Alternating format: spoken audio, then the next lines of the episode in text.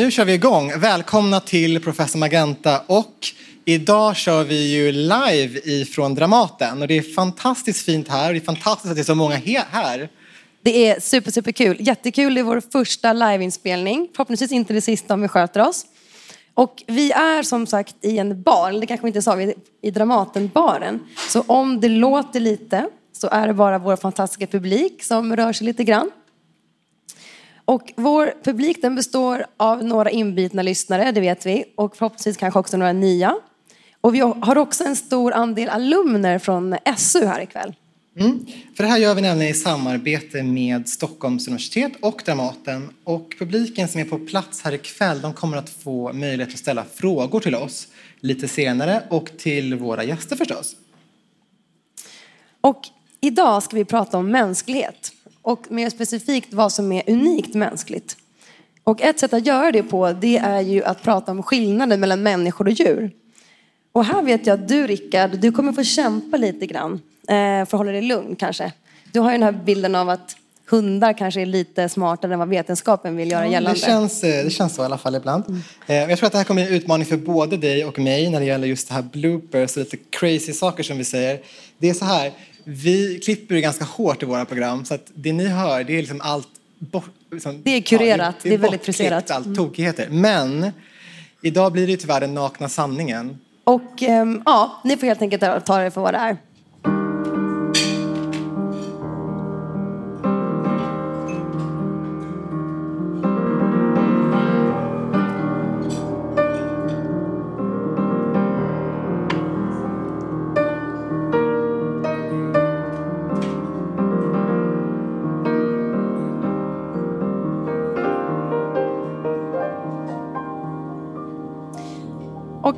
Med oss ikväll har vi som tur är tre helt fantastiska gäster som alla kommer ge sitt eget perspektiv på vad mänsklighet är. Två är forskare och den tredje är konstnär. Och vi kommer att prata med dem ungefär en kvart, 20 minuter var. Och i slutet kommer vi att prata med alla tre samtidigt och då kommer det även finnas tillfälle att ehm, ställa frågor från publiken. Vår första gäst är Johan Lind. Han är docent i etologi på Stockholms universitet och forskar kring djurs beteende. Eh, Johan är också en väldigt duktig naturfotograf. Så om ni har Instagram, gå gärna in och titta på hans Instagramkonto. Det är helt fantastiskt. Eh, men framför allt så är Johan en väldigt uppskattad och återkommande gäst i Professor Magenta. Så om Exakt. ni har lyssnat på oss tidigare så vet ni, vet ni vem Johan är. Eh, och han kommer att prata om vad han anser är de viktigaste skillnaderna mellan djur och människor. Precis. Och efter det ska vi prata med Armita Golkar som är forskare i psykologi och expert på social inlärning. Och hon arbetar både på Karolinska institutet och på Stockholms universitet. Och Armita är aktuell med den här performance lecture som går nu om rädsla. Och hon har en helt egen föreställning alltså. Och det har varit en stor succé. Jag har själv varit där, väldigt bra. Eh, och hon pratar om rädsla och det kommer hon att återkomma till ikväll. Mm. Vi ska också prata med Alexander Mörk Eidem och han är teaterregissör här på Dramaten. Eh, han har arbetat med allt ifrån Astrid Lindgren till Shakespeare och via Kafka och Ibsen. Det ska bli jättespännande att se eh, vad han har för perspektiv på mänsklighet. och han har dessutom regisserat Armitas performance lecture så det finns en, en koppling här mellan gästerna också. Mm. Eh, musik, det är en viktig komponent av Professor Magenta. Och vi har alltid spelat musik både som mellanspel och även att vi har haft eh, eh någon musik som har spelat mellan, mellan intervjuerna eller sist. Och det kommer vi göra även ikväll live. Eh, så Sebastian Bergström som sitter här, han har komponerat och framfört alla mellanspel ända sedan Professor Magentas födelse. Så det är super, super roligt att ha honom med här ikväll.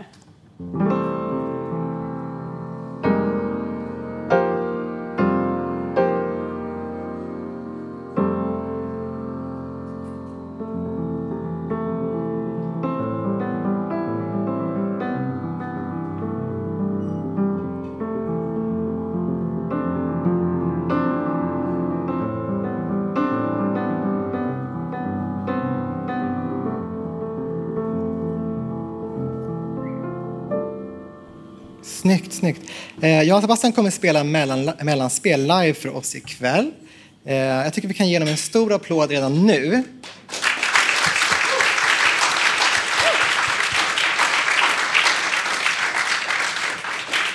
Sebastian, vad, vad har du på G i musikväg?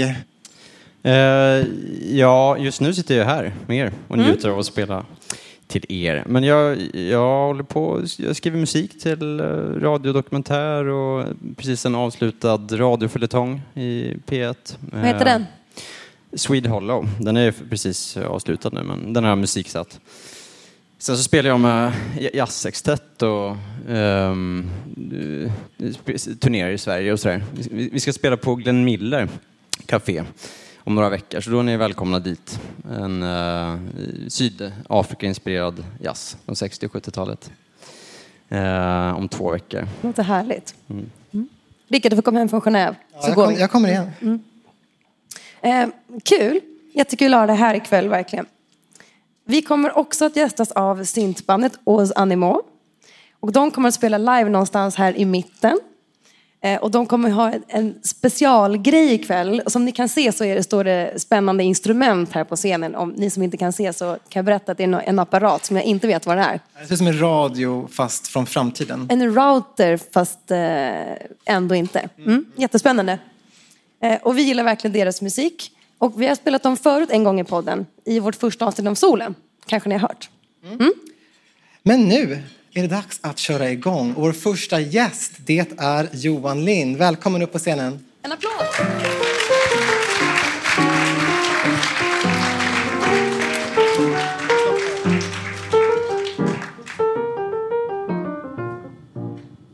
Tack så jättemycket för att jag får komma hit. Du har varit med i Professor Magenta flera gånger och har blivit lite grann av vår husbiolog. Publikfavorit brukar vi säga. Husetolog, ska jag säga.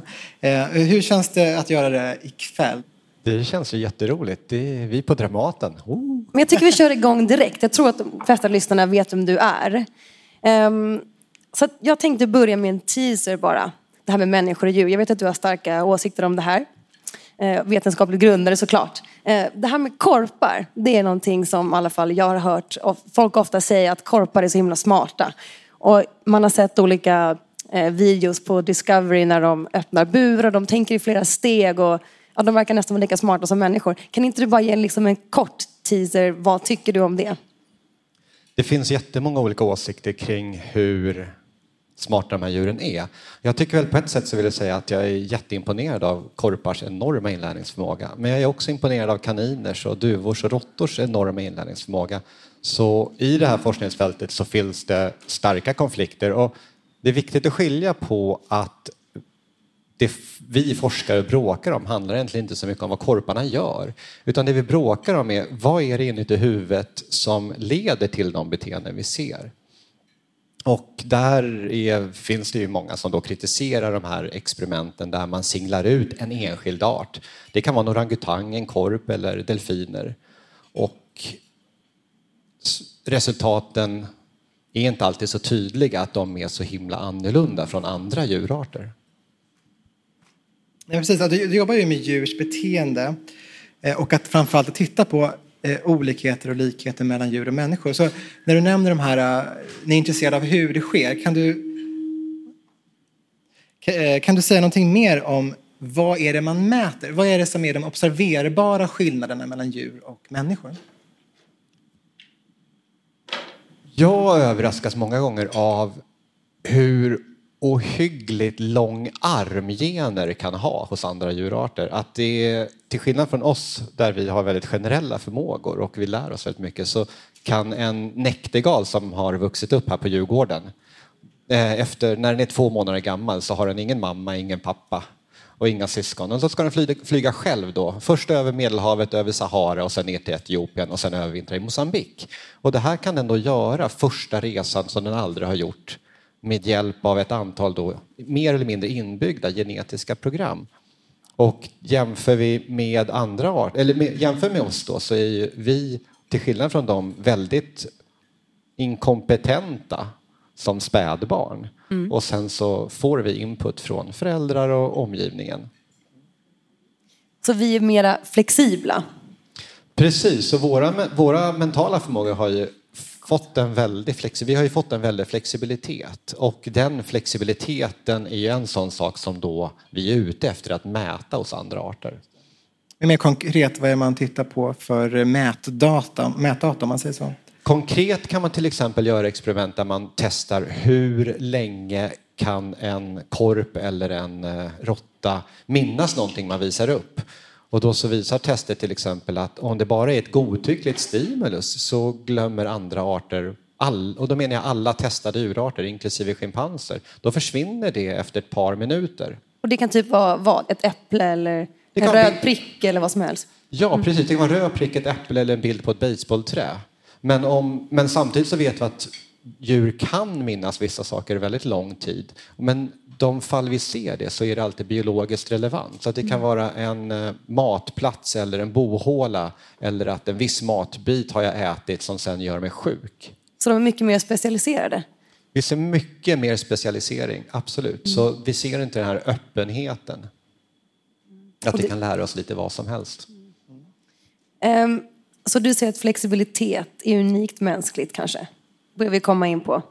Ja, jag skulle, jag skulle vilja, om jag får vara konkret, ska jag mm. säga att uh, den här förmågan att minnas i princip vad som helst under väldigt lång tid och att vi också kan minnas, känna igen och komma, och komma ihåg då ordningen av hur saker sker och att vi mm. också kan uh, inre i vår hjärna mentalt, vi kan sluta ögonen och göra om saker och tänka, fundera. Så vi kan sluta ögonen och försöka räkna ut vad är 13 gånger 27. Och det ser vi inte heller då tecken på hos andra arter. Så det är någon slags generativitet alltså? Det skulle Eller? vissa kalla det för. Ja, att vi kan generera, producera nya saker från redan inlärda saker mm. mentalt och det ser vi inte tecken på hos andra arter. Så vilken vetenskaplig teori tycker du bäst sammanfattar skillnaderna? Finns det någonting som förklarar just det här som du pratar om nu? Jag skulle vilja säga då, om vi just specifikt vill skilja på mentala, eller skilja på mentala förmågor hos andra arter och mentala förmågor hos människan så våra resultat tyder på att vi ser ett fåtal genetiska anpassningar hos människan. Då. Så ett fåtal genetiska förmågor som sen kan fyllas på så att vi lär oss massa saker. Vi lär oss språk, vi lär oss matte, vi lär oss hur man ska fungera socialt. Men då är det kultur och saker vi lär oss långsamt och av andra.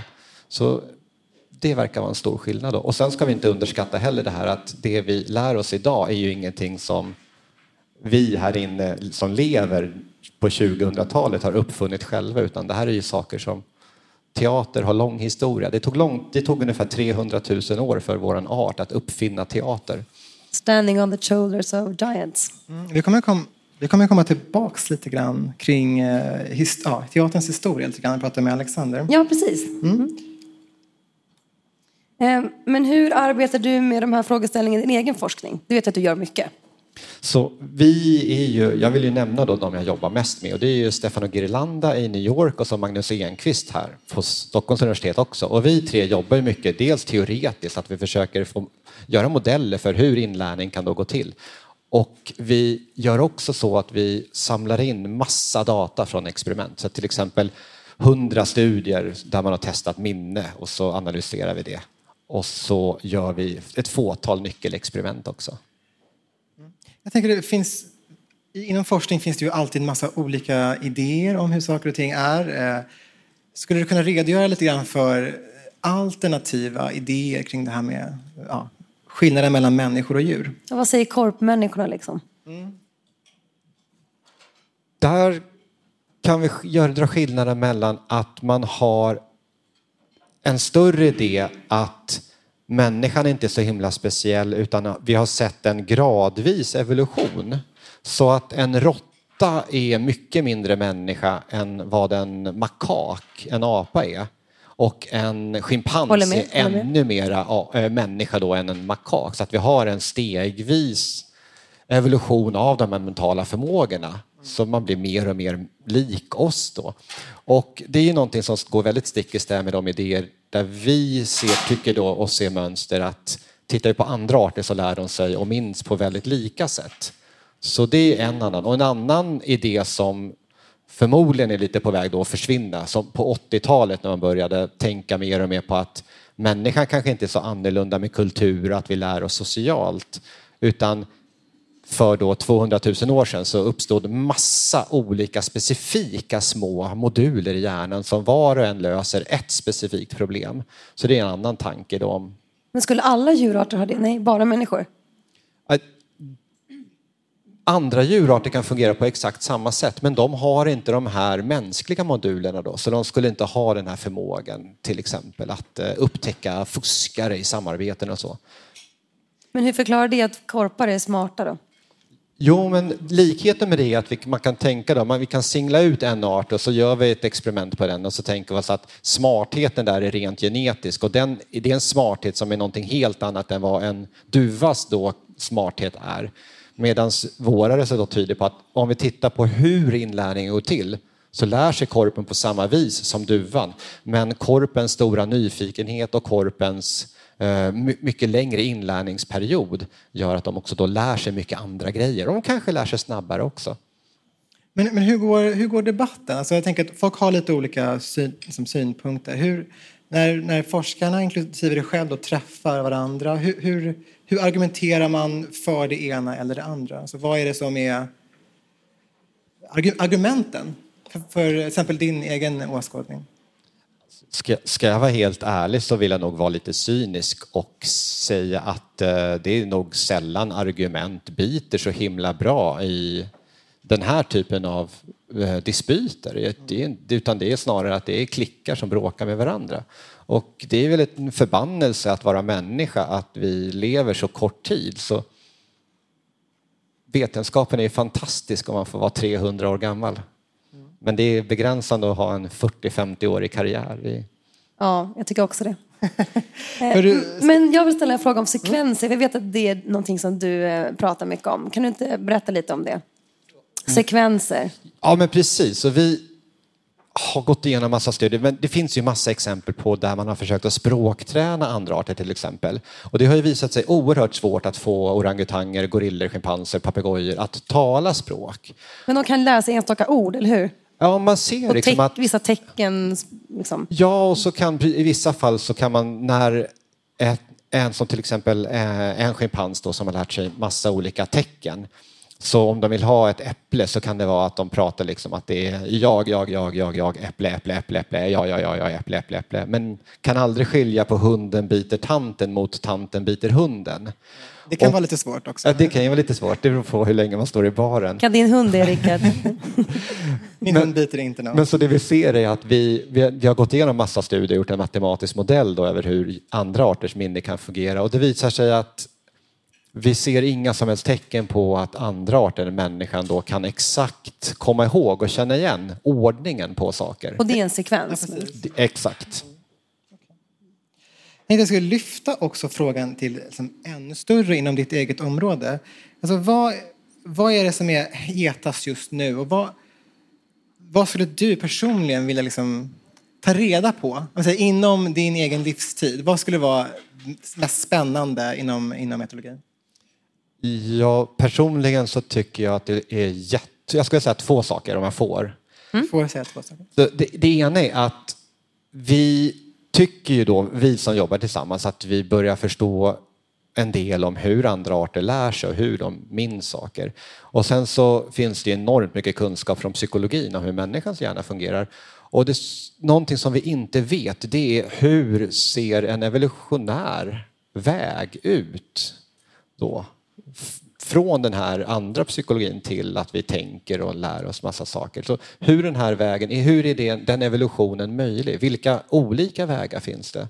Och, en, och kopplat till det här då, kan det vara så att den intelligensen som människan har då utvecklat, är det någonting som har uppstått många gånger förut men det har liksom inte funnits en organism där det är möjligt att ta tillvara på det för att det är enormt kostsamt att också öppna upp eftersom ska vi lära oss för mycket då måste vi ha tid att göra det.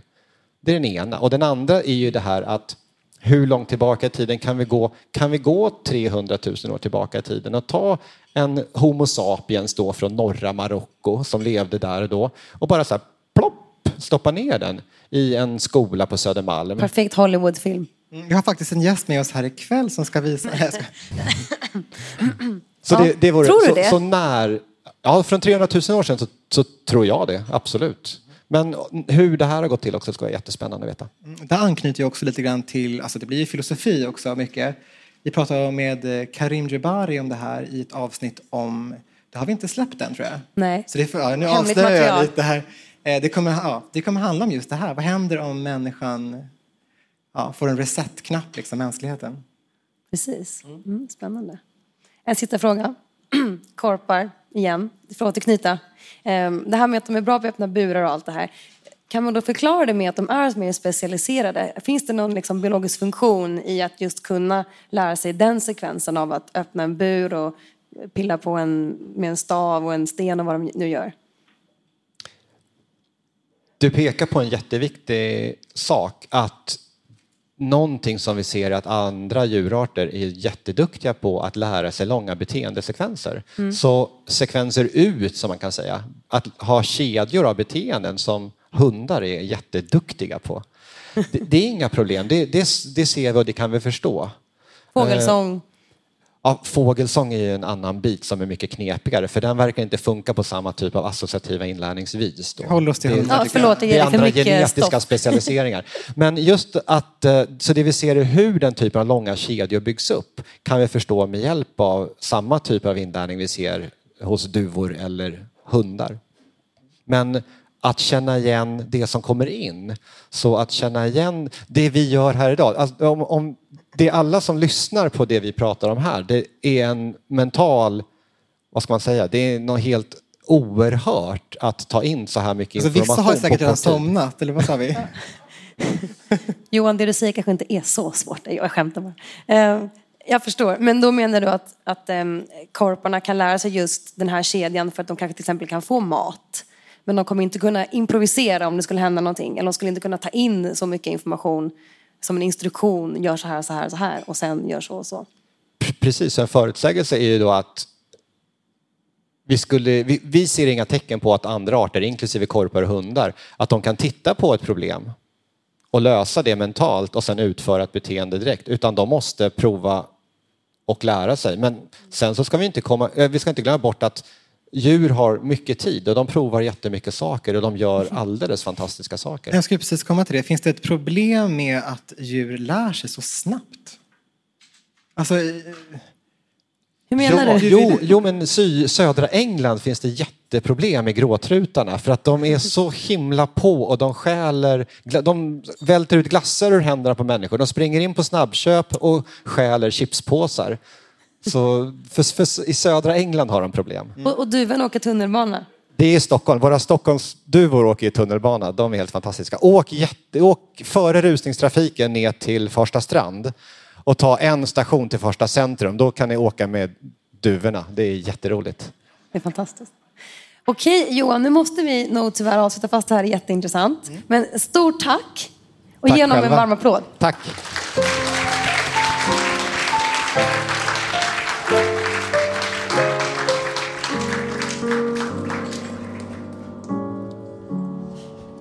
Och nu välkomnar vi upp nästa gäst, Armita Golkar. Välkommen upp!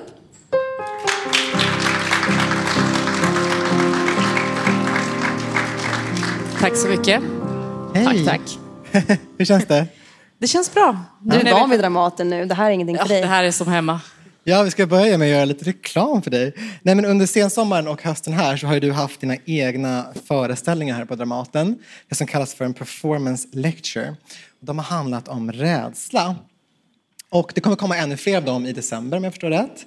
Eh, Så om ni har missat det, boka in er på dem omedelbart. Biljetten tar slut jättesnabbt. Ja.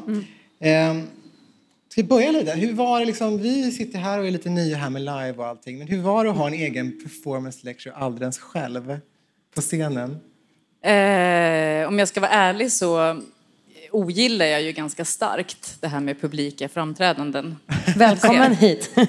Tack. Men det är en väldigt snäll publik. har Jag vill bara gå. Nej, men eh, jag gillar egentligen inte att stå på scen eller prata så här. Men eh, det var ju väldigt roligt. Och det förstod jag också när jag tackade ja. Så jag tänkte lite att det här att jag faktiskt måste stå där och göra det, det är priset jag får betala för att få ta del av det samarbetet som det har inneburit. inneburit.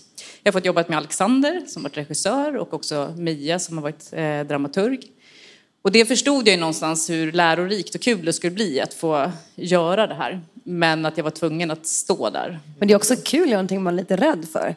Man får ju en boost efteråt. Ja, eh, det är mest ett lidande skulle jag säga. Men det känns bra när det är över. Du står, så, du står, står på scen och pratar om rädsla och så är du lite rädd själv. Det är intressant. Ja. Ja. Nej, men det, jag tror att det, det är bra att det är så också. För det håller, det håller mig väldigt taggad och levande. Du verkade ju inte alls nervös när jag såg dig, men så du vet. Ehm, så det jag tog med mig från din performance lecture när jag såg den, bland annat, det är att um, rädsla och ångest är två områden där man kan se skillnader mellan människor och djur. Kan inte du sammanfatta i alla fall lite vad du sa? Eh, det kan jag försöka. Det, I första hand så skulle jag vilja säga att Eh, det låter banalt, men väldigt mycket av problematiken kring att förstå det här med hur vi använder orden rädsla eller ångest, att det ligger i själva användandet av orden. Eh, det banala är att det är så här, men byt namn på det så kanske det löser sig. Men faktum är att det, det tränger in mycket, mycket djupare än så. För när jag säger att jag studerar och forskar på rädsla, då är intuitionen hos människor som hör det och även forskare, inte bara till vardags, är att vi pratar om den känslan som vi alla kan känna igen, att vara rädd. Ehm, men där har väldigt mycket hänt eh, i, i den forskningen som jag sysslar med. Där man försöker just separera att redan vid rädsla så skulle jag påstå att den subjektiva känslan rädsla, alltså den här självmedvetenheten om att jag är rädd, är kanske i sig en unikt mänsklig ehm, egenskap eller process som vårt nervsystem har och som vi människor kan uppleva. Alltså att man meta kan förstå det. Att man förstår att jag är den här organismen som upplever den här känslan här och nu. Och det den gör det ännu min. värre liksom. Ja. Till skillnad från en, Med- hund, en ja, hund kanske medans- som blir rädd. eh, Ja, förstå- men- Om vi tar hund som ett exempel Ja. på ett intressant djur. Precis, det är lite annorlunda. ja, då skulle jag säga att innan vi ens kommer till något så ännu mer komplext som ångest så har vi problem med att särskilja redan vad vi menar med rädsla. Och det här, den här förvirringen uppstår för att vi använder terminologin rädsla exempelvis för att beskriva det som vi däremot har gemensamt med andra djur, som hunden. Att vi kan reagera och lära oss på, ö, om hot och alltså reagera med eh, reaktioner och responssystem som är biologiskt nedärvda, som vi människor har och i princip alla andra arter har för att kunna försvara sig mot omedelbar fara. Och de uttrycken kallar vi för rädsla, fast vi skulle kunna kalla dem för någonting annat. Vi skulle kunna kalla dem för en hotreaktion. Är det som, jag brukar ofta när någon eh, kommer så här och skrämmer mig av misstag så flaxar jag upp med armarna som i i Kalle Anka Pocket ungefär. Ja. Kommer jag ihåg. Är det en sån reaktion? Att jag är inte rädd men jag har liksom, min kropp reagerar. Ja, man skulle kunna säga att det finns nedärvda sätt också att sätt att reagera på som också är väldigt liknande inom en art men också som vi delar med andra arter. Eh, vi hoppar till när vi blir rädda, det blir också andra djur, det är en kontraktion av musklerna som och, och de systemen kan vi ha och dela och ha gemensamt med väldigt många andra djur. Men det är inte samma sak som att känna sig rädd. Eh, och när vi kommer till ångest, då blir det ännu mer komplicerat. För att även om de här nedärvda biologiska reaktionerna på hot är en del av problematiken vid ångest, att man får hjärtklappning och handsvettning och att hela det här fysiologin triggar igång, så innefattar ju också ångestproblematik hos väldigt många människor ganska genomgående svåra känslor av oro och ångest och rädsla som maler över tid och som är tankeprocesser som vi människor kanske bara har att leka med. Och varför har vi dem bara och inte djuren? Och där skulle jag säga att det, det kopplar ganska mycket till det som Johan också pratade om. Att om man går tillbaka till att det finns vissa förmågor hos människan som, där vi faktiskt kanske är ensamma att ha. Alltså vår förmåga till tänkande och kognitiva funktioner som skapar och möjliggör en självmedvetenhet också, alltså en metakognition där vi skulle kunna vara unika. Det betyder inte att andra djur inte har känslor. Det är absolut inte ett likhetstecken att ett djur inte har några känslor. Jag bara poängterar att bara för att vi beter oss likadant vid en given situation eller kan lära oss på liknande sätt och med liknande mekanismer så är inte det tillräckligt för att dra slutsatser om att alla underliggande processer är gemensamma. Ja, alltså, ångest är ju någonting som vi förknippar med någonting negativt ofta. Det är obehag, psykisk ohälsa och så vidare. Men nu, nu, du är inne på det lite grann tror jag här, att det verkar finnas någon slags biologisk funktion för oss människor att känna det här. Vad, vad, är det som, vad skulle det vara för funktion? Varför har vi nytta av de här känslorna och rädsla och ångest? Det är såklart en jättesvår fråga där man lockas in i att vara liksom efterhandskonstruera svar eftersom man eh, egentligen inte vet vad det är som har eh, liksom lett till det. Ehm, däremot så kan man ju konstatera att ångest som en vardagsproblematik, om vi bortser från patologisk ångest där man faktiskt är, begränsar en individs sätt att leva, skulle jag säga att det snarare även där är ett ordval där man skulle kunna byta ut mot oro. Det är väl det vi människor egentligen menar, att vi oroar oss för saker som kan hända i framtiden eller imorgon. Eh, och den oron kan ju vara positiv eh, på många sätt. Det är ett sätt för oss att kunna föreställa oss framtiden, som i sig är en ganska komplex eh, process, att kunna föreställa oss det som inte ens har hänt. Och i och med att vi kan göra det så har vi också en del problem som följer med att oroa sig för massa saker som kanske är osannolika och som inte kommer hända men som kostar mig en massa att gå omkring att fundera över. Samtidigt som det skapar möjlighet att mobilisera sig eller att skapa eh, agera i förhand helt enkelt på just de sakerna som jag kan föreställa mig kan hända men som ännu inte har hänt. Så på det sättet kan ju oro eh, motivera oss att agera på saker som kan vara problem framöver. Och det här är samma sak som Johans sekvenstänkande, liksom att man kan tänka framåt i flera Vi simulerar steg. ju en, en framtid baserad på förvisso vad vi varit med om, men vi kan mentalt föreställa oss saker som vi egentligen inte har erfarenhet eller direkt kommer ur de prediktioner eller förutsägelser vi kan göra här och nu. Mm, mm. Jag tänker att det finns kanske, det finns såklart ännu mer komplexiteter i detta. Men ni pratar om just de här, vad sa du, hotreaktioner mm. och så vidare. Jag tänker också djur, jag tycker, det är väl kanske lite grann i samma anda som din krog ska vara en kråka? Korparna. Korphistoria här. Att man kan höra att djur kan vara deprimerade. Att djur eh, självdestruktivt beteende när husse eller matte går bort och så vidare. Vad, vad säger du om det? Finns det? Är det bara det här beteendet, djurbeteendet? Det är jättesvårt. Dels så är jag lite känslig för att leta i extremerna på ovanliga beteenden. De är alltid svårare att förklara än vanliga beteenden generellt. Men som nyckel, som, ja, en nyckel i det är helt enkelt att inte utgå från att liknande beteenden nödvändigtvis tyder på att det är samma underliggande process.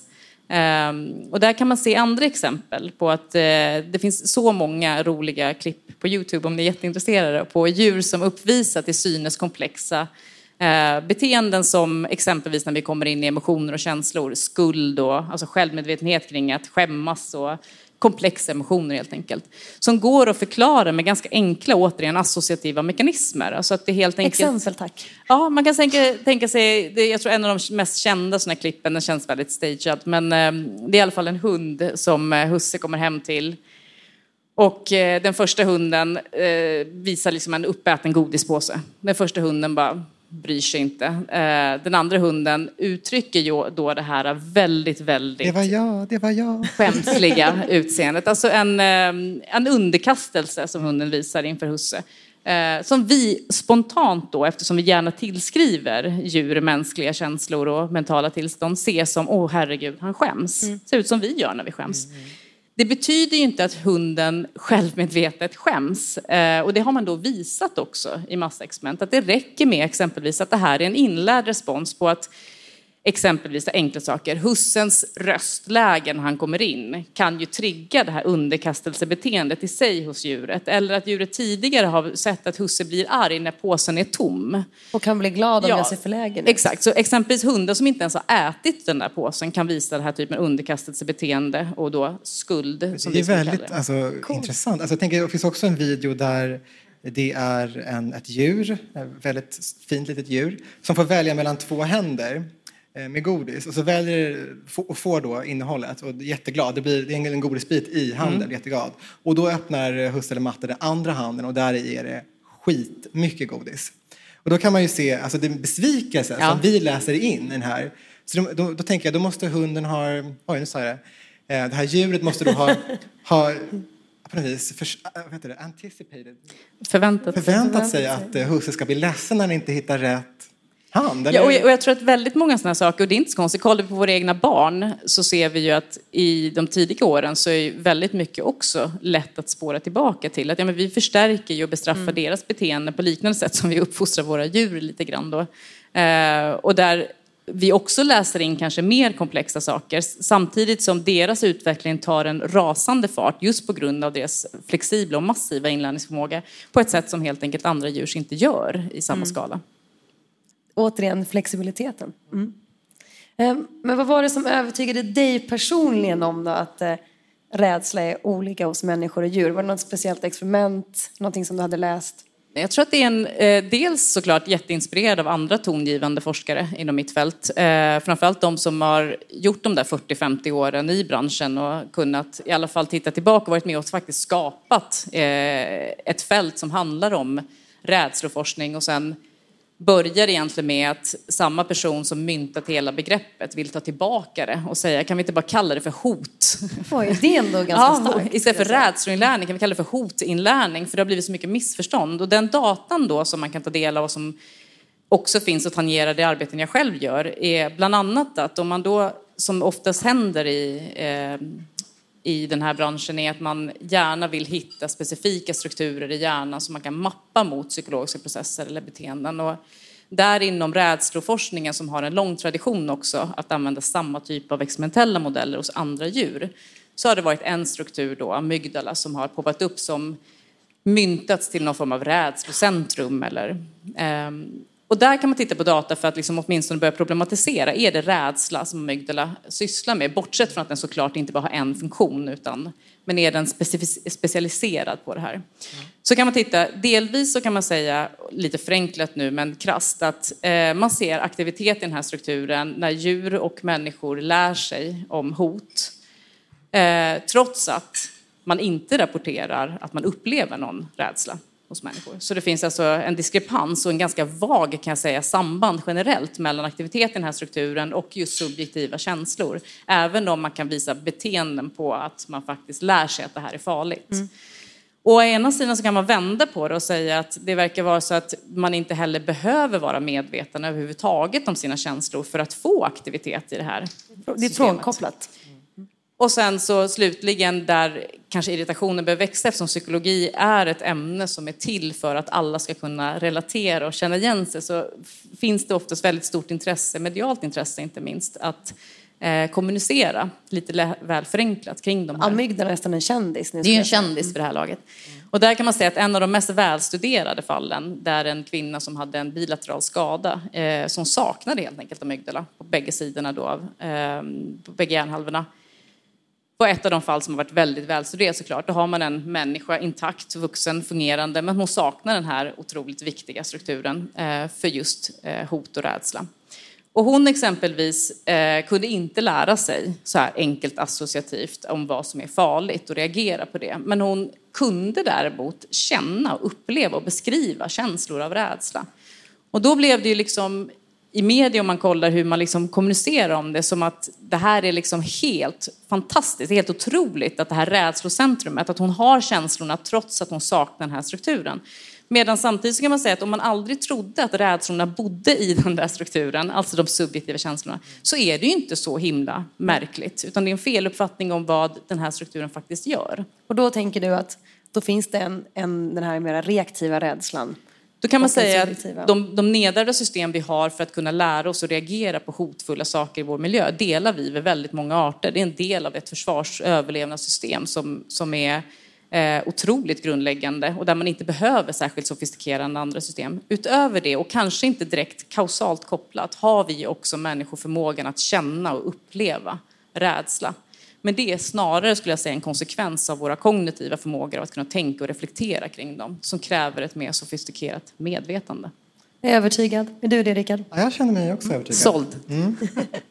Vi får gå på, i december, eller jag, jag har inte varit på den Nej, här du får, det kan gå en gång till. så jag får gå dit och eh, njuta lite mer. Ja, Ehm, Ska vi ställa den sista frågan? Vill du göra det? ja absolut. Ehm, jag kan ställa en fråga lite grann bara stort. Det här per, lite större perspektiv också. Om, om du får önska dig någon typ av upptäckt här eller intressera dig för någonting generellt i ditt område, vad, eller inom det här området, vad skulle det vara?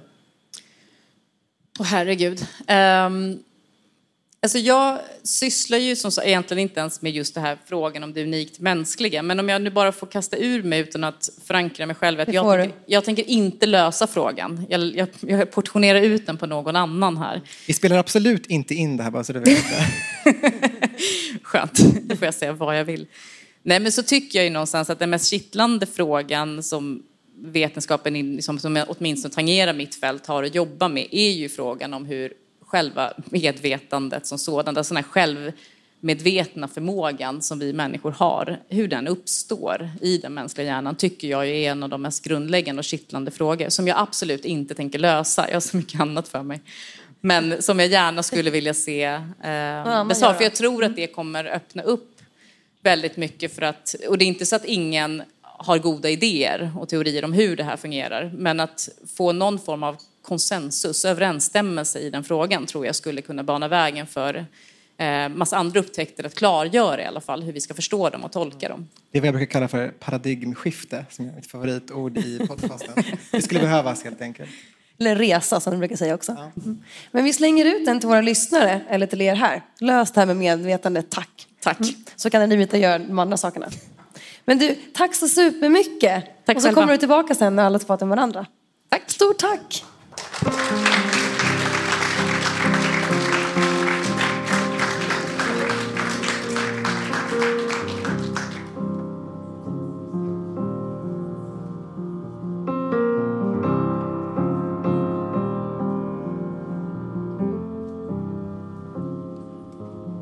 Nu ska vi få lyssna till Åsa Animaux.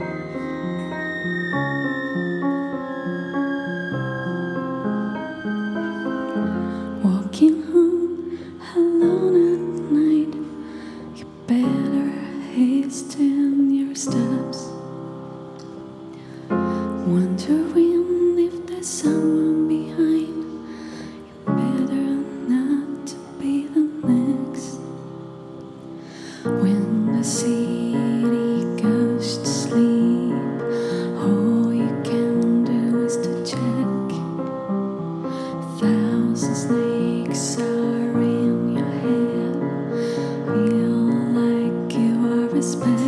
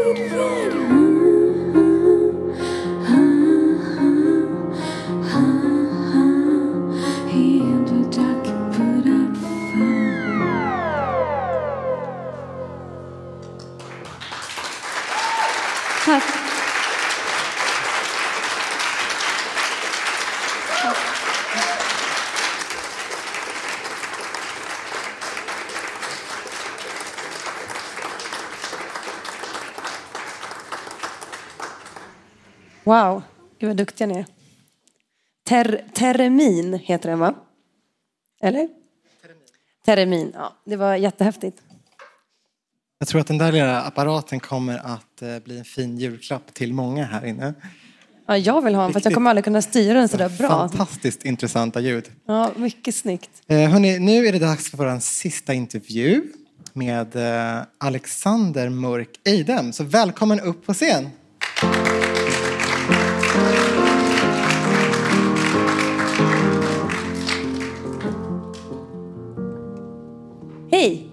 Kul! Är den på? Du får... Nej? Sätt på den nere. Och prata högt från början, tror vi. Men du är så hemma här på Dramaten i alla fall. Ja, precis. Jag vet. Vi använder inte mikrofoner, vi bara pratar jättehögt och tydligt. Ah, okay. ja, tydligt är någonting vi inte är så bra på. alltså. Så. Vi, vi är inte där än, men det kanske kommer. Ehm, de flesta jobb inter- innebär att man interagerar med andra människor. Det måste ju även vi forskare göra. Men jag tänker att ditt jobb är extra mycket det. Hur hanterar du att liksom hela tiden behöva förhålla dig till andra människor och deras mänsklighet i vardagen? Det är jättejobbigt. Men, eh, nej, men det är, eh, jag vet inte. Eh, det är många andra som också förhåller sig till människor, men, men det är väl kanske att de människorna jag förhåller mig till i dagliga är lite mer, eh, lite mera kanske än andra människor. alltså, de är ju på något sätt man måste ju vara lite skruvad i huvudet för att vilja stå på en scen och utsätta sig för att bli liksom, eh, inte omtyckt men tyckt om av så många människor liksom varje kväll live. Så det är, man har någon form av, eh, inte störning tror jag, men, men, eh, men någon... Det spelas in alltså det här, du är medveten om Oh, ja, det? nej, fan det visste jag inte. Eh, Han pratar jag om, att det här han är pratar om en vetenskaplig podd så det är ingen av dem som hör- lyssnar på det här ändå. Så det, så det är ett eh, fördomsfull som jag är. Men, eh, nej, men så, sånt sätt är det annorlunda. Eh, ja. Har du någon strategi för du tar olika sorters människor? Nej, egentligen inte. Jag tror i mitt läge så måste man på något sätt försöka undgå att gegga till det för mycket. Alltså, och så, Eh, vi har ju en uppgift. Vi ska inte liksom bara hänga. Vi ska göra saker. Vi ska få den här pjäsen på benen och den ska upp på en scen. Så det är en sån gemensam uppgift vi har. Så jag försöker lägga fokus på uppgiften och inte egentligen på människorna som utför den eller jag lägger inte så mycket krut på att värdera dem eh, eller alltså huruvida de är bra eller dåliga. Armita kan säkert säga det att jag är inte så jävla bra på att säga att du är bra. Du kan säga det nu, nu har du all tillfälle. Jag försökte säga det under tiden, men det, det, hjälper ju inte. För alla har ju behov, alla har ju behov av en viss form för beröm, speciellt när ditt yrke är att stå där inför folk och hoppas att de tycker om det så är det fint om jag som sitter och tittar hela tiden fram till premiären har liksom förmågan att berömma, men den, jag är dålig på det. Men det måste vara jättesvårt. Du sitter bara med stoneface och man liksom försöker. De kanske försöker väldigt mycket då å andra sidan. Ja, men jag, Anstränger sig. Ja, men jag, mitt, ja, kanske. För mitt jobb är på att bara få det bättre och bättre och bättre och bättre. Så jag, jag blir ju liksom aldrig nöjd egentligen.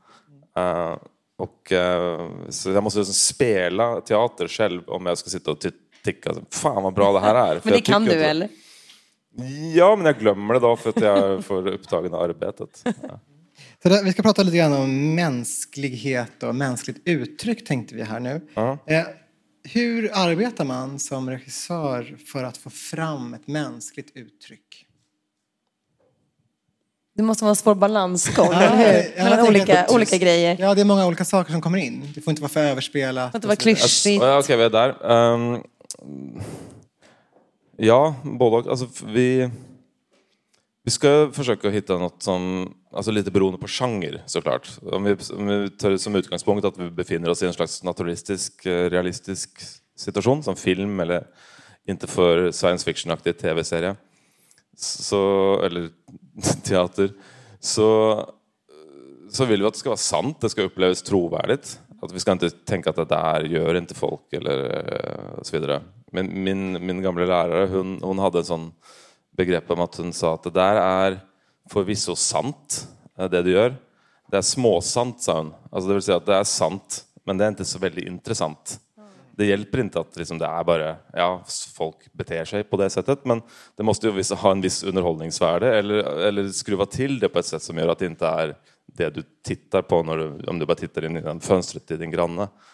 Eh, så, så, så, så sannhetskravet eller eh, är liksom förstärks lite. Det ska inte bara vara sant. Det måste kittla på något sätt. Man kan inte bara se någon som går och handlar i affären. Det är liksom Nej, och, och det rör ju på sig hela tiden. Alltså vad vi upplever som sant eller, eller vad vi upplever som intressant eller vad vi upplever som levande eller trovärdigt, det rör på sig ganska mycket. För vi blir ju lätt uttråkade också. Alltså Mm. vi ser världens bästa tv-serie nu, eller för två veckor sedan, och så ser vi en annan en som upplevs mycket mer sann och nu. Mm. Eller om man och kollar här. Beverly Hills nu till exempel. Jättetråkigt. Ja, ja. Men det ja, för det var sjukt sant när det pågick. Men det, men det är också olika, jag tänker att det är också olika mellan eh, liksom, uttrycksformer. Ja. När du kollar på en tv-serie så kanske du söker en annan typ av, men, alltså det som går igenom rutan kanske en annan typ av uttryck än när du står framför en verklig människa på scenen. Jo. Det, jag, jag tycker det är så roligt med det, den paradoxen att, som ju är sann, när man ser på tv eller film så upplevs det mycket mer sant än på teater. Alltså, eh, jag håller mest på med teater men jag erkänner det att jag, jag ser mycket mer heller på tv-serier än teater själv. Så, Det spelas Så- in, det spelas in. Ja, fan. Glömmer det hela tiden. Eh, jag bara upp... jag jag är så van vid sån gammal teknologi. Man måste stå på en scen och det finns inte några upptagsmöjligheter. Men jo, jo, att, att det upplevs som sant. Men det är ju jämfört med det som händer på en scen så är det totalt lögnaktigt. Alltså en film tar du upp sån du behöver inte, jag pratar med dig, så har bild bara av mig och jag, du är inte där än, du är och tar lunch. Jag tittar på en film, en liten tejpbit där uppe i hörnet för att få en riktig blickriktning. Jag fattar inte ens hur det fungerar, hur man kan spela så. Nej, men det, det är bara fake. Alltså film är basically bara fake. Alltså hela Avatar är tagit upp en green screen room. Alltså det är bara så oh, no, no, don't Rickards favoritfilm. Alltså, så man spelar alltså- bara på sån låtsas. Det är bara låtsas. Medan teater är ju på riktigt 100 procent. Alltså det, är, det händer här och nu i samma rum som er. Vi kan inte stoppa, göra om. Alltså allt är in, liksom, vi har inlärt oss det här och tränat på det här. Och Men tror du att man, att man även skådespelarna reagerar och känner mer på en teaterscen än i en film för att de inte spelar om det hundratusen gånger utan det känns mer realistiskt för dem också? Ja, på något sätt så kommer det närmare någon form av sanning tror jag av hur livet faktiskt är. Men, men, eh, men jag är inte säker på resultatet som man upplever som åskådare eller, eller publik eller, eller man sitter i soffan och tittar så, så upplever man ju filmmediet som mer sant tror jag. Men teater kanske har en, en, en fördel när det gäller att vi är i samma rum. Vi delar den här upplevelsen. Vi i, i publiken och med de på scenen. Det spelar roll hur vi i publiken reagerar för dem på scenen. Det ska man veta. Och, det, och vissa kvällar stämmer det. Alltså, jag ser på många föreställningar. Eh, det är en del av jobbet. Men eh, eh, och jag upplever att det är väldigt, väldigt skillnad från en kväll till en annan. En kväll är det helt magisk. Annan kväll är det jättedåligt eller tråkigt eller ointressant på samma föreställning. Och det, det, det handlar om en sån gemensam... Det hörs flummigt ut, men jag tror det är sant. Att det Inte är en gemensam flummigt. Alltså, andning. jag tänker också bara att det är som man drar ett skämt för en person och den tycker det är jättekul och sen drar man det för nästa och den tycker inte alls det är kul. Och då tänker man så här, är jag en tråkig människa? Nej, för en person skrattar åt det här skämtet. Det var Så den som var inte skrattade som var tråkig. Precis. Nej, men det handlar om kommunikation, faktiskt som jag forskar på också. Att det är verkligen två personer som möts. Och nu är det liksom ett multikomplext problem med en hel publik och deras stämning och deras interaktion och skådespelarna. Så jag tror inte alls att det är flummigt. Högst vetenskapligt. Mm. men eh, när är teater som bäst då? Är det när publiken berörs mest? Och i så fall, hur är det då? Ja, men då är det väl så. Alltså att du sitter i ett rum med en hel gäng med andra människor som du inte egentligen känner. Men, att ni, men du känner plötsligt att, att ni upplever samma sak. Uh, alltså, du känner en andning eller lyssning eller, eller du hör någon gråta bakom dig och så känner du att det liksom trillar en tår ner för ditt eget kind. Och så, alltså, och så känner du dig lite mindre ensam i världen för du, du, du, du, du, du känner att det är inte bara du som tycker så här. Så det är väl den funktionen kanske som teater har eh, som, som man, man kan inte, Det är inte bara där man kan få det. Man kan, man kan ha det i en kyrka, man kan säkert ha det på en konsert men, men eh, som oftast så i en konsert så är det musik. Alltså det är ljud hela tiden. På teater så kan du liksom sitta och dela tystnad med några andra människor. Eh, Så, så det är väl något, i alla fall det jag tycker om med det. Att, eh, att det har den kvaliteten. En sån gemensam handling och, och, och en slags form för eh, mänsklig tröst. Att du inte är ensam. Verkligen. Då säger vi det. Ja, jag, jag tänker att det har lite också, jag, tror att vi pra- pratade här innan du och jag, men jag brukar alltid tänka på när det regnar eller snöar att det är en speciell känsla. Ja. För jag vet att alla andra, i alla fall i min lokala närhet, upp, upplever samma sak. Em, och lite som ritualer, som julafton, det är en speciell känsla att veta att alla att många andra människor upplever en liknande sinnesstämning samtidigt. Och det får man ju inte med tv-serier när man, när man liksom tittar på någonting vilken tid som helst. Men däremot med gammal, gammal vanlig tv så fick man ju lite det. Alla tittar nu på Det kommer mer eller vad det var. När man Men, var det, men så kan det ju vara när liksom senaste avsnittet av Game of Thrones har släppts så kan man ju faktiskt få det här Det är sant, det man är kan, sant, man kan få det det, kollektiva känslouttrycket på måndag morgon. Liksom. Ja, och det är därför folk gillar, tror jag, Mm. att, att det är ett visst, liksom, en viss tid som någonting släpps. För då kan man de- känna att man delar det med många andra. Ja, men det är jätteudda att teater har överlevt. Alltså på riktigt, det, är liksom, det har överlevt ganska många attacker från nyare medier som på något har gjort jobbet bättre. Eh, alltså radio och film och, och, och, och tv och olika sätt att se på tv på nu. Vi, jag tror det är jobbigt nu för teater för man har streaming, alltså, alltså Netflix och sånt, där du kan se så mycket bra när du vill. Eh, men jag tror på något sätt att det kommer att överleva det här också. Alltså det är inte, folk köper inte mindre teaterbiljetter nu än förr. Vilket är, jag tycker är jätteudda, fast jag håller på med det och tycker om det. Men det, det, det att det håller sig på ett ganska högt nivå. Då. Men det är ju speciellt att se någon människa live också. Det Ja, är men det är väl det som är, det känns liksom, om vi ska dra tillbaka till den mänskliga aspekten som vi pratar om i den här programmen så, så det är något djupt eh, mänskligt att samlas runt någon form av eh, virtuellt lägereld och så dela historier ihop. Eh, och, och dela historier om hur och vad det är, vad du vill säga och vad människa. Eh, Och det är ofta det det handlar om, eller hur? det är som oftast det det handlar om på teater. Ja. Alltså, hur, hur hittar du en berättelse som du vill arbeta med? Vad är det som liksom fascinerar dig? Det är, det är väldigt olika. Så jag vet inte helt... eh, det, är liksom ingen, det kan vara en scen eller en replik eller ett rum eller något sånt. Jag går egentligen mest igång på eller en sån koppling, att jag, att jag själv gör en koppling om hur det här ska göras. Alltså jag har någon, man läser en text, liksom Ibsen eller någon nyskriven håller på med en föreställning, en pjäs av Tracy Letts nu, så, så får man en sån idé om hur det ska göras. Så egentligen det jag går igång på mest är huret, eh, alltså att, att den idén dyker upp, eller att jag blir triggad till att försöka fixa en sån, hitta på en sån idé. Och vad vill du göra då? Vill du göra någonting som eh, är liksom många människor kan relatera till, som är mera sätta något gammalt i ett nytt, eh, ny scen? Eller vill du göra det mer på det, göra det nytt på ett nytt sätt, men mer enligt den gamla traditionen? Men jag, eh, jag tror jag vill göra det så att uh, jag försöker inte tänka så mycket på publik eller på de som ska komma och titta. Jag försöker vara extremt egoistisk och bara tänka på vad jag själv tycker om och, och vad jag själv tycker skulle kunna vara intressant. Och så får jag hoppas att andra gör det också. Eh, för det, man, jag, jag upplever i alla fall att de gånger jag har försökt att tänka för mycket på vad folk vill ha så har det gått snett. Eh, för då har inte jag någon sån egen, eget kompass i det. Jag driver och styr efter andras åsikter eller tankar. Jag måste ha den egna viljan eller riktningen.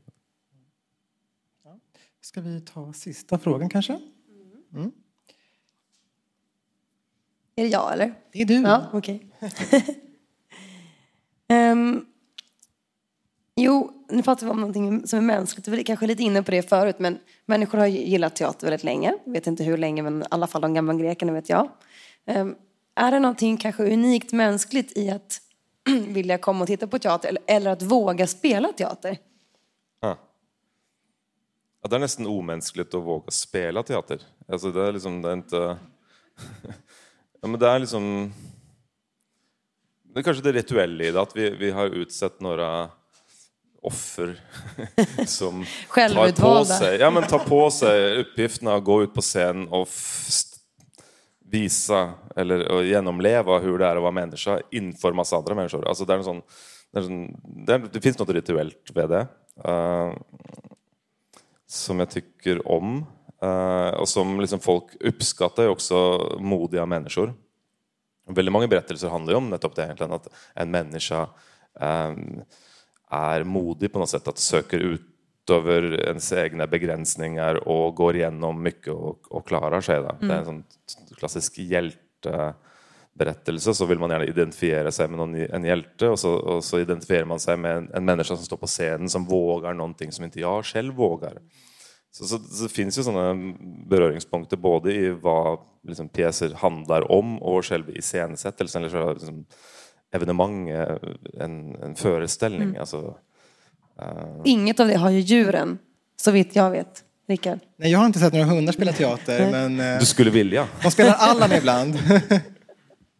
Nej, men det, är, det, det som är roligt också att när vi, som, vi, när vi vanliga människor som inte är vetenskapligt anlagda i, till 100 procent pratar om mänsklighet så pratar vi om det som kanske är omänskligt. Alltså det som är, gör oss till mindre rationella varelser. Att vi tar, liksom, tar fäste på dem, liksom, ryggmärgsreflexen. Extremt egoism, jättekåta, flyktbeteende, feghet. Alltså det är det vi kallar mänskligt. Alltså de dåliga egenskaperna, de som inte egentligen Jag tror att det är väldigt, eh, frontal. mä- väldigt mänskligt att göra just det, att sitta på negationen av det man egentligen studerar. Tror jag. Men... Du tänker att det inte är så, eller? Jo då. Eller, jag, jag, vet inte, vi prat, jag pratade om, jag lärde extremt mycket Armita. Det var det som var så roligt med att, liksom få vara med och hjälpa henne. Det är ju hennes show. Men att, liksom bara kunna tappa henne för info. Eh, Jag gör också det ibland. men vi, vi pratade lite om det, om jag minns rätt, att, att det är liksom lite sånt paradoxalt att vi refererar till det som mänskligt som kanske är den primitiva delen av oss, alltså den som liksom ligger närmast amygdalan. Eh, uh, Medan den, de mer eh, utvecklade mänskliga egenskaperna som är säregen för människan, de, de har, vet inte, vad- vad, vet inte vad vi kallar det ens. Och det kanske är att just våga grejer. Vad sa du? Det kanske är att våga göra saker som att stå på scen eller så menar du? Ja, kanske. Och utmana de här eh, rättsliga funktionerna. fall. Vi har börjat komma in på lite grann en diskussion här mellan gästerna. Det Ja, precis. Så jag tycker vi ska tacka Alexander till att börja med. Med en varm applåd. Stort tack. Och så sitter du kvar. Och sen så kommer Armita och Johan upp tillbaka. Ja, Johan, ska jag börja med dig? Det var ett tag sedan du kom till tals här. Hur känner du när du hör Armitas och eh, Alexander prata? Hade du några reflektioner eller frågor? Vi är väl väldigt överens tycker jag om teoretiskt hur vi ser på de här sakerna. Jag tycker det är en jätterolig avslutning som ni hade att tycker det är viktigt att poängtera att andra arter kan på något sätt, ni pratar om det här med förväntningar och att den här typen av Eh, inlärningsmodeller vi ser och som vi använder oss av för, att förstå andra arter. Den typen av modeller ger upphov till jätteavancerade modeller, eh, förlåt, beteenden. Så att en, att en hund kommer in och har en förväntan på någonting. Att, att om jag är i den här situationen, det här händer, husse kommer hem, det ska komma mat i matskålen. Om det inte ligger mat i matskålen så blir jag besviken, frustrerad på något sätt. Så i många fall så är väl en intressant sak att vi ofta underskattar andra arters inlärningsförmåga. Och vi ska inte glömma bort att de här fantastiska resultaten vi hört från AI-forskning då där eh, Google DeepMinds modeller slår eh, schackmästare och gåmästare i den här unikt mänskliga spelen. Att det är då inlärningsmodeller som fungerar väldigt likt hur djur funkar och de inlärningsmodeller vi gör. Och de har jätte, jätte, jättelång tid på sig. Ja just det, de har ju extremt mycket tid på sig. Men, så att, men den här typen av modeller, om de bara får tid på sig så blir de oerhört kraftfulla. Alex, hade du några eh, tankar kring de andras? Eller Arvis, hade du några tankar kring när du hörde de andras? Eh, ja, massa tankar, men eh, jag ska försöka förhålla mig till någonting som går att besvara, tänkte jag. För att ibland så ramlar man in i de här stora frågorna som kanske bara leder till svar ingen förstår. Ehm, men exempelvis Johan. Jag tror att vi delar ungefär samma idé teoretiskt om, eh, om de här frågorna. Och jag håller med om att eh, det är missförstånd man skulle säga att djur inte kan bete sig intelligent, för det kan de. Det är bara en fråga om vilka inlärningsmekanismer som ger upphov till det där jätte till synes intelligenta beteendet. För de gör ju intelligenta saker. Skillnaden ligger snarare i vad det är för processer som gör dem intelligenta jämfört med hos oss då, där andra kanske processer kan göra oss intelligenta på andra sätt. Men det finns ju en kärnfråga här när du också pratar om det här med att det finns genetiska eh, processer eller liksom, ska man säga, att vi är genetiskt programmerade för att kunna vissa saker som skulle kunna särskilja oss redan på den nivån från andra djur. Eh, språket brukar ju vara en sån här eh, favorit. För att vi är väldigt, väldigt specialiserade som art att kunna eh, ha språk på det sättet som vi har. Och du har ju studerat bland annat hur, eh, hur den här språkförmågan, alltså vad det är för förmågor den bygger på, exempelvis det här med sekvenser som du tog upp. Och kunna komma ihåg dem eh, i rätt ordning och sådär. Men tänker du då, och nu är jag bara öppet nyfiken, om vi skulle gå tillbaka till civilisationens begynnelse någonstans med människan, att om kulturen och tiden, den, den evolutionära historien vi har, skulle sett helt annorlunda ut så skulle alltså människan, om den var genetiskt programmerad till exempelvis språk det som den mest yttersta formen av våra förmågor, alltså oundvikligen utveckla ett språk? Eller är språket någonting som har uppstått i vår kulturella evolution?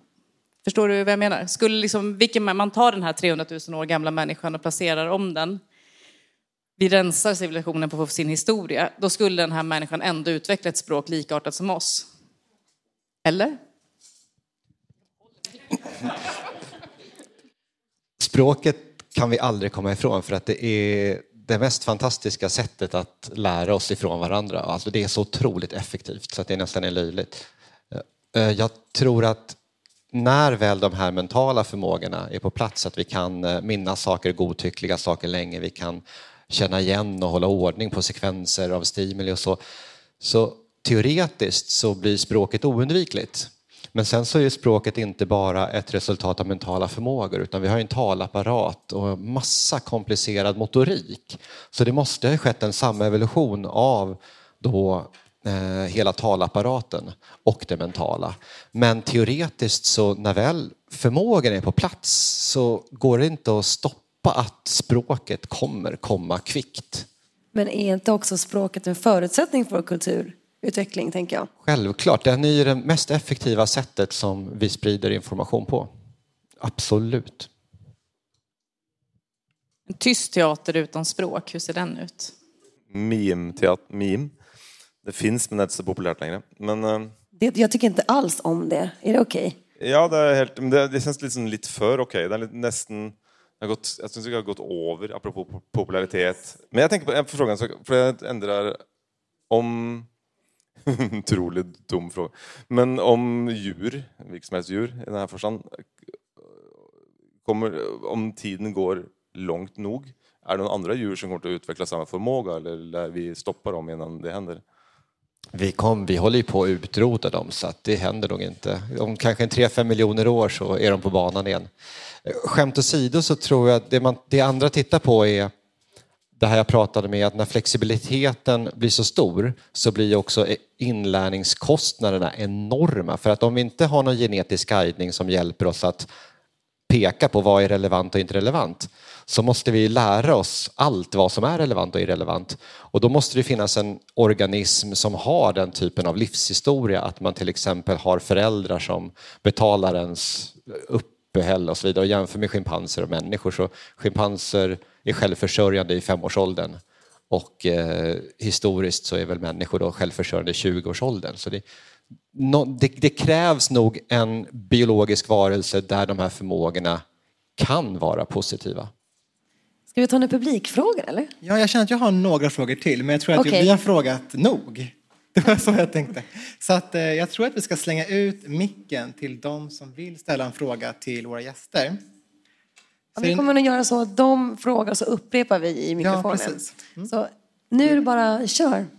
Nu är chansen. Yes, en fråga där. Finns det gränser för mänsklighet och omänsklighet? Menar du då med omänsklighet det som inte är mänskligt, inte det som är ont eller någonting sånt filosofiskt? Okej. Och var ligger den? Johan och Armita kanske vill börja, någon av er? Det finns ett lätt svar på den frågan. Eh, och det är att vi på ett sätt så ställer vi en fråga som många tycker är ganska dum och det är att vi säger att människan är unik och så har vi en miljon andra arter. Men inom biologin så definierar vi då arter och per definition så är ju alla arter absolut unika på, på sitt eget sätt. Då. Eh, så på det sättet så är ju människan unik och så är talgoxar unika och hundar. Eh, vill ni komplettera? Jag, jag, tänk, jag associerar nu ännu vidare och bredare kanske till vad vi menar med när vi använder ord som att det där var ju kanske inte så ofta säger, ja vi säger det där, nej, men det är ju mänskligt säger vi när någon felar. Eh, och så, så säger vi att eh, det är omänskligt när någon bryter mot en förutfattad idé vi har om, om att vara människa. Och om man använder de begreppen så är det lite inne på det du Alexander också var som, som jag brukar liksom försöka förstärka. Att, eh, ibland så tenderar vi ju att tycka att det mänskliga, eh, att vi reducerar oss just till de här, den giriga egoisten, den här individualisten som ska överleva för sig själv och så vidare. Alltså många sätt som vi inte alls är unika med att vara. Det jag skulle säga kanske inte då är så typiskt mänskligt utan är att vara en biologisk organism. Alla behöver överleva sina utmaningar. Ehm, det som då är intressant är att vi missar allt det här kanske mera specifikt mänskliga som vi gör. Det som styrs av våra normer och idéer och kultur. Som att jag blir jätteförbannad om någon inte håller upp dörren för mig när jag kommer med min barnvagn. Då tycker jag att det är så här, vem fan gör så? Nu såg jag. Eh, och det är för att jag, upp, jag upplever det nästan omänskligt att inte hålla upp dörren för någon som kommer med kassar och barnvagn. Eh, Och då är det omänskligt att inte känna, att inte ha empati. Ja, och då, då helt plötsligt så vänder vi på det. För då, då är det så att jag ser ju i människor när de bryter mot de där normerna, de idéerna, de, de eh, gemensamma idéer vi har om hur folk ska bete sig.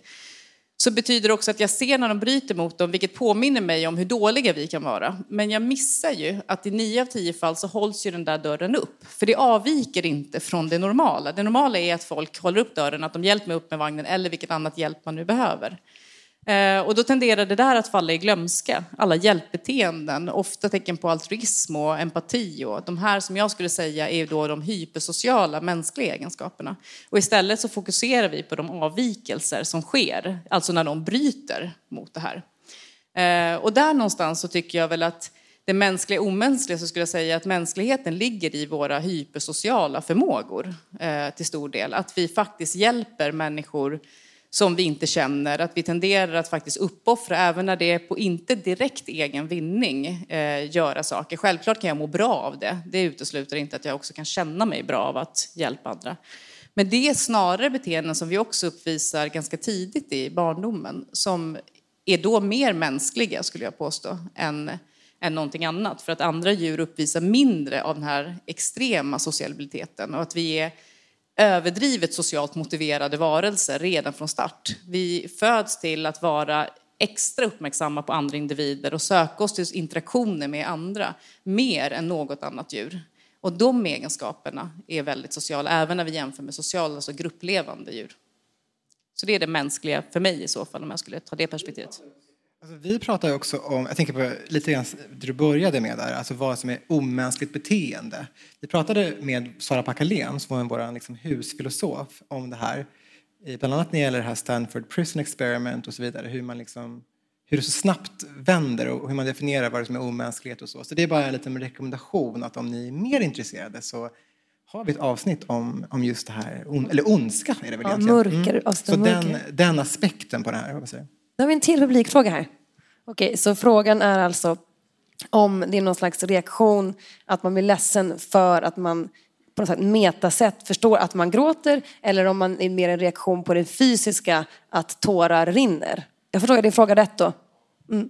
En jätteklassisk eh, psykologisk, om inte annat, eh, frågeställning som eh, Ja, men jag tror att den, själva citatet kommer från William James, typ 1890 och sånt där, så skrev han väl något mästerverk där han just drar den. Eh, jag gråter, eh, alltså man gråter för att man är ledsen eller så är man ledsen för att man gråter, alltså kausaliteten i det. Ehm, och man kan väl säga att den forskning som finns liksom lite stödjer båda delarna, alltså att båda är möjliga. Som, som organismer så tenderar vi att reagera på stimuli eller saker som händer i vår omvärld och de triggar då upplevelser eller reaktioner. Så att vi är liksom upplevelsedjur, som så många andra.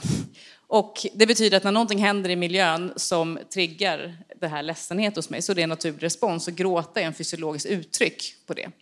Men det finns också annan forskning som helt enkelt visar att, det, att gråta förstärker också upplevelsen av att vara ledsen. Så att, säga. att det finns ett feedbacksystem som gör att vi också registrerar våra fysiologiska tillstånd och det blir en del av vår aktiva tolkning. Och det här är ju någonting som verkligen, jag tänker i teatern, att man måste kunna utnyttja. Ja, men, ja, det har man gjort ett tag. Eller, Stanislavski var den som började med sån inifrån ut skådespeleri. Alltså att man, man ska ha en tanke, man ska ha en motivation, man ska ha ett emotionellt minne, man ska komma ihåg saker från sin barndom och använda det. Så att man basically liksom lever sig in i det. Uh, ja, härifrån någonstans. Här antagligen. Uh, men uh, så hade jag en sån motrörelse från, här, jag kan rysk teaterhistoria för det är där de hållit på med det mest på början på 1800-talet, nej 1900-talet förlåt. Vaktangov som går från utsidan och in, alltså du, tar en, du, du gör rörelserna och genom att göra rörelserna så kopplar du på det inre livet.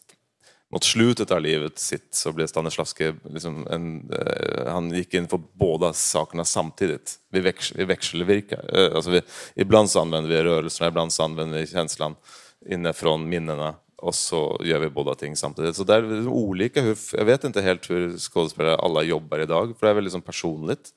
Ofta så vet, pratar man inte om det, eller och jag styr det inte under repetitionsarbete, jag, jag, jag går med på resultat eller något sånt. Men eh, ja. Ett kort svar från djurvärlden så ska jag säga att det tangerar två saker då och i den här typen av inlärningsmodeller vi har så finns det två saker som är intressanta. Det ena är att för att saker och ting, vi pratar ju mycket om socker gör oss så himla lyckliga till exempel, så i de här modellerna då har ju stimuli har ju då en genetiskt ett genetiskt satt värde kan vi säga. Så att stoppar du i dig en sockerbit så kommer någonting göra att man mår bra. Eller som i det här sociala fallet, att om en människa kommer fram till mig och ler och ser väldigt vänlig ut så får jag en skön känsla i magen. Så då är det stimulit som då har en satt, ett satt värde. Eh, och det här kan ju såklart också då genom klassisk betingning så kan ju neutrala stimuli också få ett värde utav det. Men det andra är någonting som också, vi pratar ju mycket om det här att världen är så stor och rik så att vi måste, alla måste liksom kapa för att inte dö av flexibilitet. Och en intressant sak här blir den här andra aspekten och det är ju att om man till exempel är hungrig och så ser man någonting helt annat så ska jag gå och köpa kläder. Så, så hjälper motivationssystemet hjälper mig att hålla mig i den relevanta känslan så att säga. Så där kan vi tänka oss att vi har olika motivationssystem, både vi och andra arter då att är jag rädd så är det bra om jag fortsätter vara rädd ett tag för tigern kan vara kvar. Är jag hungrig så är det bra om jag fortsätter leta mat tills jag faktiskt hittar något. Så det är två aspekter då på känslor kan man säga. För sen är det också det här, just att det normala är att vi helt enkelt, att saker i, den, i vår miljö triggar de här upplevelserna i oss eller reaktionerna. Eh, sen kan man ju liksom gå till extremfallet och säga att man kan ju också såklart kapa hela det här att vi är upplevelse djur och faktiskt stimulera då delar av hjärnan eh, eller vissa tillstånd med läkemedel eller droger involverat så kan man på samma sätt då kringgå att vi har ett behov av att få uppleva saker externt via hörsel, syn, alltså via våra sinnen för att uppleva. Och istället liksom eh, genskjuta hela systemet och producera samma känslor eller beteenden. Så att jag menar, man, kan ju, man vet ju vart man ska stimulera hjärnan för att trigga att jag känner mig törstig exempelvis. Eh, eller att börja gråta. Och det finns läkemedel och droger och liknande som på samma sätt kan liksom kapa den här vägen.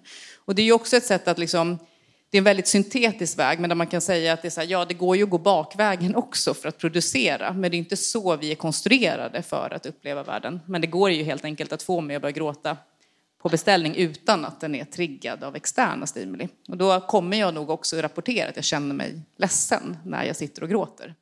Men då måste vi öppna din, ditt, ditt skallben och liksom in i hjärnan och stimulera, eller hur? Man kan ju operera in liksom elektroder som kan helt enkelt stimulera. På andra djur så finns det liksom i vakentillstånd. Så jag kommer fortfarande ihåg, jag tror jag berättade den för dig Alex, att när jag var i början av min utbildning så satt jag på en kurs där de visade den här filmen på en häst som då hade såna här elektroder inopererade eh, just i törstregleringscentrum så att säga.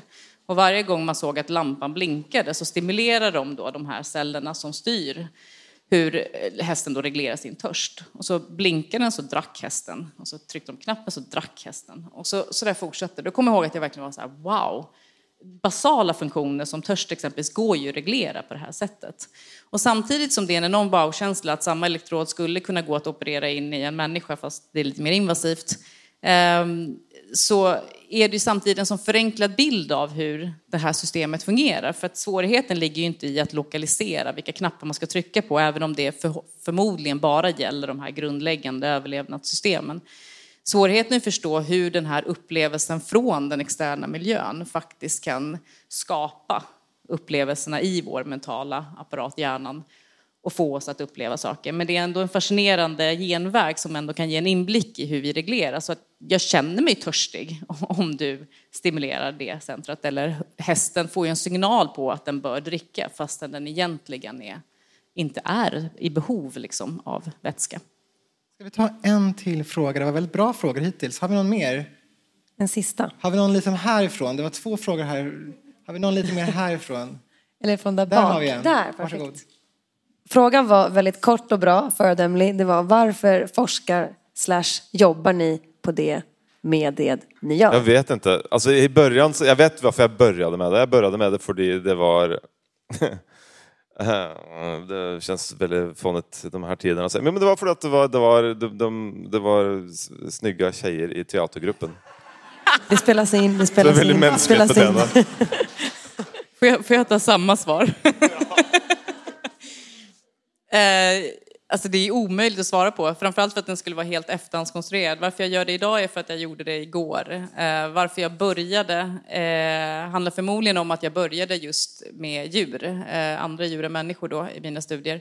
Och när jag insåg att jag ville komma över till att studera människor så var det ett ganska pragmatiskt beslut att hålla mig då till den typen av inlärningsmodeller som jag visste att jag kunde använda både på djur och människor och att det fanns en gemensamhet i de metoder och de teorier som eh, gick att utnyttja. Så det var liksom en brygga från att gå från då möss och råttor som jag studerade till människor att hålla ett gemensamt språk då, ett forskningsspråk som jag kunde förstå och brygga till då de mer komplexa mänskliga eh, processerna.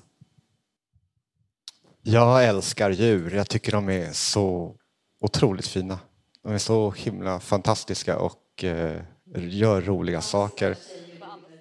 Och eh, sen så gränslandet mellan djur och människors mentalitet är ju ett land av mysterier. Alex gillar tjejer, du gillar djur. Hörrni, vilket fin, vilka fina svar. ja, tack så jättemycket. Ja, vi ska faktiskt eh, avsluta podden nu. Eh, och vi hoppas att ni har haft en fantastisk kväll, att ni har lärt er en massa saker, att vi har en hel del saker att tänka på. Vi kommer hugga de här nu efter, så om ni har frågor och vill mingla med våra gäster, då måste ni vara snabba. Jättekul att ni kom hit ikväll. Fantastiskt. Tack till våra musiker. Och Sebastian kanske spelar ett avslutande mellanspel. Bara, bara sådär, på beställning. Ja, tusen tack. Tack. Tack!